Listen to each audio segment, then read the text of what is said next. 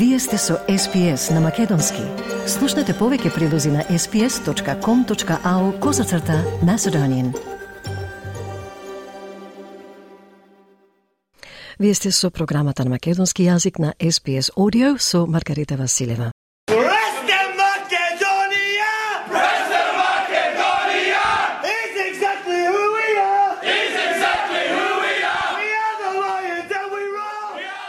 Деновиве атмосферата во клубските простори на Престон Македонија, Престон Lions е електрична. Во понеделникот футбол Australia официјално го прогласи клубот како еден од групата фондацијски клубови кои ќе учествуваат во новата втора национална фудбалска лига на Австралија. Овој историски настан, велат од клубот, е доказ на стремежот и аспирациите на верните поддржувачи, членови, спонзори и пошироката заедница. Управните органи на Престон Македонија преку социјалните медиуми ја изразија големата гордост со постигнатиот успех, наведувајќи ги долгогодишните напори на клубот, бордот и советодавната група NST Advisory Group како заслужни фактори во создавањето на стратегијата и визијата што го доведоа клубот до оваа позиција. За да дознаеме повеќе за тоа што новата втора национална фудбалска лига ќе значи за фудбалскиот клуб Престон Македонија, денеска ќе чуеме подетално од председателот Дејвид Цветковски.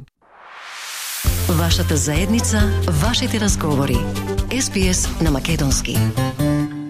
Давид Цветковски, честитки за изборот на фудбалскиот клуб Престон Македонија во новата втора национална фудбалска лига. I hope I got that right. За која SPS ви посакува многу среќа и успеси со овој голем чекор напред за клубот, играчите па и навивачите. Каква е атмосферата во клубот по официјалната најава? Кажете ни. Прво, Маркерица, фала и поздрав. Мислам за сите љубители, не само на футбал во Австралија, и то на фудбалскиот клуб Престон Лајонс или Престон Македонија. Мислам, ова недела све од срце сакам на цел народ да му честитам ова радост. Ко фудбалски клуб бевме одбрани од фудбалската федерација на Австралија, да сме Foundation Club во новата национална лига, што ќе се вика National Second Tier. Мислам, ние сме еден од 8 клуба, почетокот се од Мелбурн, Сидни, се надевам дека ќе исто има екипи од сите стајц во Австралија. Да. Еве за нас и цела македонска диаспора низ Австралија имаме момент кај што ќе мора мислам, екипата ќе игра во, во сите стајц во Австралија. Да, голем чекор. А, господин да. Цветковски, што значи овој чекор за, за клубот и воопшто за македонската заедница во Австралија? Да, ние еве ко управа и ко advisory board, значи управата имаме 11 луѓе, мажи и жени, и advisory board имаме од 27 професионални луѓе што работат за клуба, Пет години се мачиме се представуваме со Australian Association of Football Clubs и со Федерацијата на Австралија да ја направиме оваа лига. Мислам ова за нас е платформ кај што ќе можеме не само футболската екипа, ама цела македонска диаспора да ја покажеме, мислам, низ цела Австралија како екипата ќе шета Сидни, Аделаид, да.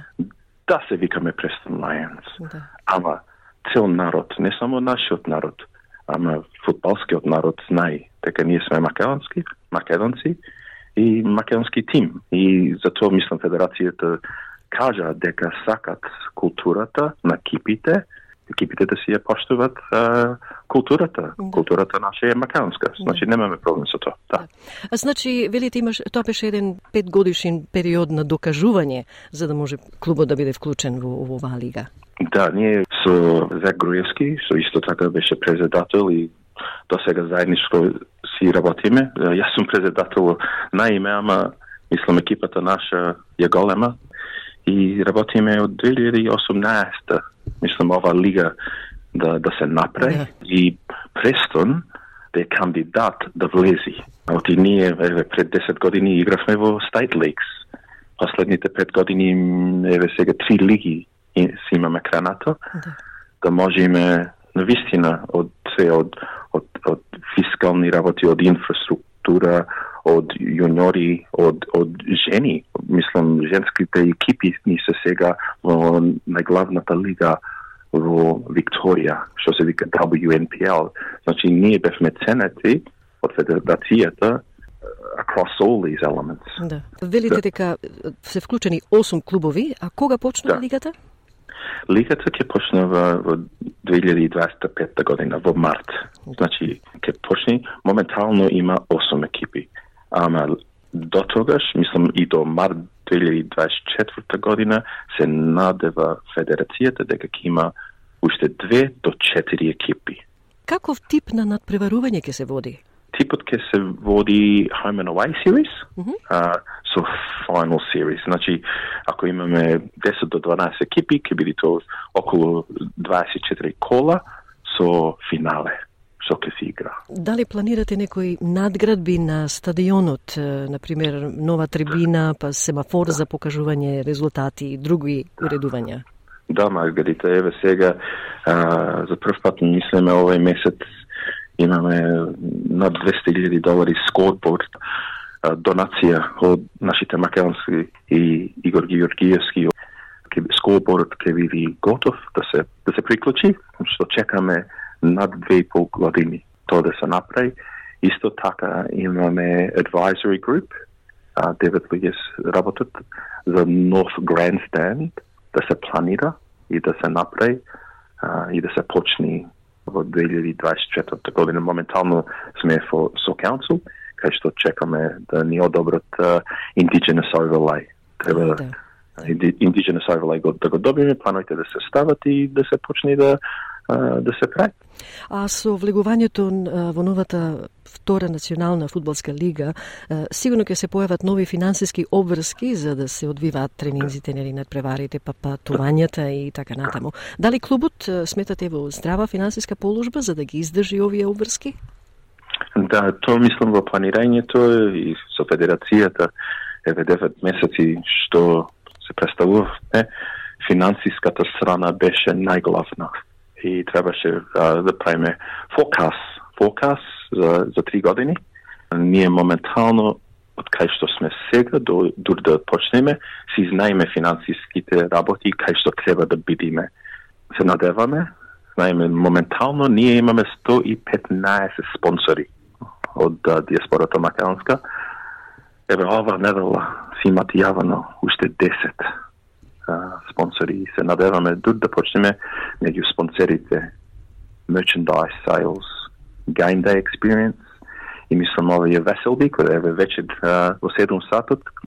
Ги поканувам сите луѓе македонци да си дојдат, ќе имаме celebration party за за втората дивизија. И се надевам може ќе имаме 500 до 1000 луѓе. Значи со сите овие работи за клубот се берат пари да можеме екипата ја да ја представиме во оваа лига. А, господин Цветковски, дали сметате дека новата вест со лигата, дали тоа потекна нови спонзори? Да, да поттикне не само нови спонсори од нашата диаспора, ама од, што да речам, the Australian business community. Да, широко. Моментално м, брендоите ни се спонсори и се надеваме за е, овие 12 месеци и да се прифатиме со нови брендови, што мислам се големи, големи брендови или во Австралија или ако можеме глобал бренд да фатиме ко спонсор. А како ќе се организирате за да привлечете и други навивачи, освен од македонската заедница, кој е единствен клуб од северните предградија, и, и што ќе значи тоа во однос на соработката со општината на Дарабен? Хубаво прашање, Маркелита. Мислам, ова не се почна за сега. Ние еве овие последните пет години имаме стигнато на еден степен кај што знаеме во петок на вечер 35% од навивачите што идат моментално се прво жени. Тоа за нас многу важно е да да мислам се, ја смениме атмосферата. Исто така од народот што иди 20% не се traditional supporters. Почнаја футбалските љубители од други екипи да си идат на такмици да ја гледат Престон. И тоа е многу важно Да. за нас. Да, многу важно и мислам што го викаме the game day experience. Да. ние 3 до 4 години сега и мислам о социјал медија многу ми поможува. Оти имаме добар експозија, не само низ диаспората наша, ниту и ито низ футболската диаспора, низ Викторија, низ Австралија. А соработката со општината на Дарабен? Да. Со општината, мислам, сме многу среќни, еве, овие последни 10 години ние имат подарено 7 милион долари за новиот павилион, беа 3 милион нови, да ги речем, lights, lights, ламби? Да, светла, осветлување. Да, светла, светла, да. патои имат направено сега. Се надеваме дека ќе треба и со федералната влада и со local government а, да работиме. Моментално има 200 милион долари футбол или спортинг фонд што ќе треба да се представиме, да видиме и ние дали би било за synthetic ground, имаме планови за synthetic ground, 2 милион долара, а, исто така за the grandstand, а да видиме дали ќе можеме фандинг да добиваме. Пред малку спомнавте, меѓутоа да подсетиме слушателите дека на Facebook страницата на Престон Македонија најавивте дека свечено ќе го одбележите историскиот настан на влегувањето во втората национална фудбалска лига на Австралија. Тоа ќе се одржи вечерва вечер од 7 сатот има јадење, пиење и музика. Значи, ја мислам на, на сите навивачи и супортери на, на клубот да си дојдат вече фамилиарно да настапиме како една заедница и да направиме еден celebration. Заслужувате. Thank you, Margarita. А, да бидам фер, прашањата ни ги подготви Васе Коцев, кој моментално е на, на одмор далеку, далеку од Австралија и длабоко жали што не е овде да го покрие настанот. голем поздрав на Васе, Васе, мислам, е голем љубител на клубот и да. а, добар глас, многу добар глас за нас, за екипата го поздравам. А дали имате нешто посебно да кажете за нашите слушатели или вашите навивачи? Да, фала Маргарита. Мислам на, на народот македонски. Ако можете, сите да се приближите до клубот, не само и од нашиот клуб, сите македонски клубови што се трудат а, да се покажат а, ко клубови за, за диаспората да. и за народот. Овие се критични места кај можеме ние со децата. Еве, моментално, чупината мои сидат секој петок. Татко ми и мајка ми. Баба ми е 94 години и, и не од време ја носиме на футболот. Мислам, е место кај што можеме ние заедно да се собериме кон народ, да се напиме и да гледаме еден меч или гейм футбол, што се вика имате стекнато една многу убава атмосфера. Давид Цветковски, ви посакуваме многу среќа и успеси со овој голем чекор напред за клубот, играчите и навевачите на Престон Македонија, Престон Lions. Ви благодарам. Поштовање, Маргита. Фала. Председателот на фудбалскиот клуб Престон Македонија, Престон Lions, Давид Цветковски и на здраве и прославата во клубските простори вечерва. SBS. SBS. SBS. SBS. SBS. SBS Radio. Сега ќе слушнеме и од директорот за фудбал на клубот Сашо Огненовски, поранежен играч на Престон Македонија и на фудбалската репрезентација на Австралија Socceroos. Сашо Огненовски честитки за изборот на фудбалскиот клуб Престон Македонија, Престон Lions во новата втора национална фудбалска лига за која ви посакуваме многу среќа и успешни настапи во лигата. Пред се кажете ни какво е чувството меѓу играчите и мажите и жените во последниве денови откако официјално беше соопштено дека престо не примен во новата лига. А, тоа е гордост, една голема гордост за клубо, за играчите, за македонци што навиват за Престон Македонија, голем гордост. Како директор за фудбал во Престон Македонија, Престон Lions, ваша улога е заедно со тренерот се разбира да ангажирате нови играчи. Како сега ќе се организирате за засилување на тимот? Дали ќе има само еден тим или ќе има и резервен млад тим во лигата? Тоа уште не се знае uh -huh. во лигата што ќе биде, дали ќе има ќе имаме резерва мислиме дека ќе имаме резервен тим како што имат Melbourne Victory, Melbourne City и Western United во Викторијанската лига, а за новата лига ние се спремаме ова година да имаме екипа што може следната година да влези во во Беј лига, така да не се замараме со многу измени за идната сезона. А, а дали таа одлука останува ваша одлука, мислам клубска одлука или тоа ќе биде одредено од страна на Футбол Австралија? Таа одлука е на страната на Футбол Австралија и на Футбол Викторија. Тие ќе одлучат кој, како и каде ќе играме, дали ќе имаме екипа во Викторијанската лига и како тоа се ќе биде направено. Господин Огненовски, колку фудбалери во машка и женска конкуренција во сите категории имате во школата на Престон? Ух, е, мислам моментално преко 400. 400 Од, од Мини Руз до првиот тим, да, тука негде 400 деца и со првиот тим тука е негде. Дали сметате дека ќе останат овие бројки или ќе има засилување овде? Тоа што не се знае, ние сменавме малце работата што ја правевме порано, нарочите во, во младите. Ова година имавме многу голем успех, од 14 до 18 добивме секоја лига, што чувствувавме во и ние сакаме најубавиот пат што можеме да го направиме за младите деца во нашиот клуб е да можат да пристигнат во ова друга национална лига. Значи ние работиме од децата што се 7 години до детство што се во резервата, што се 17-18 години, работиме на тоа да можеме наши деца, што ние ги учиме како да играат фудбал, да играат во националната друга лига на Австралија. А дали можете да ни кажете нешто повеќе за стратегијата што еве ја градите во последниве пет години во врска со влегувањето во оваа нова втора национална фудбалска лига? Малце е познато, знам дека со управата и други членови исто работеа по 24 сати да можат сите сите работи да ги да ги суредат, сите документи да ги да ги дотерат како што треба да бидат да, да. влезиме во овај клуб. Знам дека работиме со навивачите, да немаме истите проблеми што ги имавме во старата национална лига и, да. и после тоа исто, да знаат да поштуваат клубот, да идат навигачи колку може до трибините нека се качват, ама да поштуваат клубот и да знаат дека секое лошо што може да направи лошо за клубот, не е само лошо за нив. Да, а, а какви лекции се извлечени од тоа не толку добро искуство од порано? А тоа е добро искуство за нас.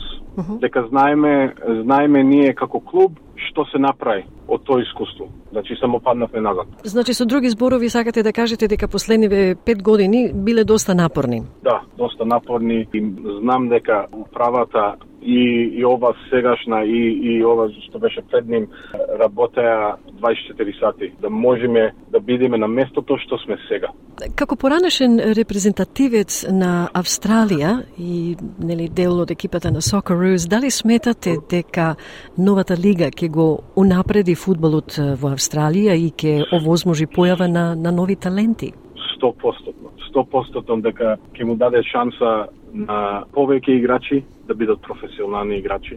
Ќе му даде шанса на помлади играчи да влезат во национална друга лига и во ова викторијанската лига што сме сега, подобрите играчи ќе се земат за во другата лига и така младите играчи ќе можат да играат во прв тим многу побрзо него што играат сега.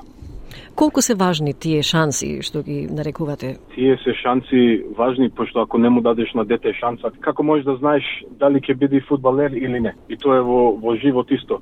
Не можеш да му пружиш шанса на некого, ако не му пружиш шанса на некој, како знаеш дали може тоа нешто да го, да, да го направи. Со каква прогноза за клубот и за, за успесите во иднина одите напред, мислам, со, со овие нови надежи? Одиме Секој ден се учиме во клубот, секој ден правиме, имаме станци и боруваме како можеме подобри да бидеме. Како клуб, како тренери, како председател, како вагајник, како, како можеме подобри да бидеме, да бидеме најдобри во Австралија. Да.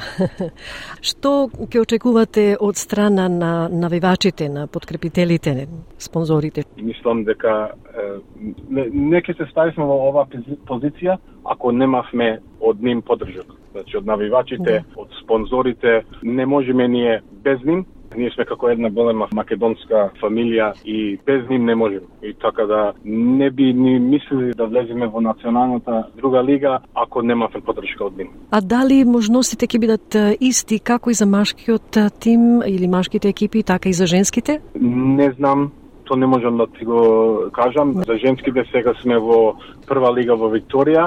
Дали ќе биде женска лига како што е во А лига, W League, тоа не се знае уште. Значи има уште многу точки што треба да се решаваат, да се одлучуваат. Да, а тие се точки од Фудбал Австралија, не не се точки на Престо Македонија, тоа се од Фудбал Австралија, да. а ние не можеме тие информации да ги даеме сега. Апсолутно. Добро, ќе чекаме во иднина да не известите за идните планови и правила по кои ќе се настапува, за која ви посакуваме многу среќа и успешни настапи, господин Огнеловски. Благодарам. Стиснете, ми се допаѓа, споделете, коментирајте. Следете ја SPS на Македонски на Facebook.